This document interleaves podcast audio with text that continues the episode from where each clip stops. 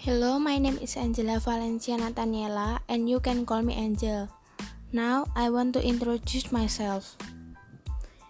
I am 7th grade and I am 12 years old. My school is on YSKI, and my birthday is on 20 December. My house is on Mawarjingga Street, number 120 and 2 A, Pelamongan Indah. I am from Semarang, and my hobby is dancing.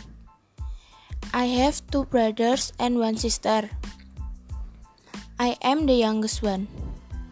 My brother's name is Agung and Johannes. My sister's name is Ella. My father is a seller and my mother is a seller too.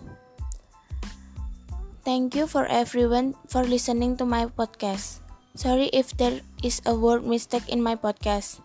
God bless you and see you. Goodbye.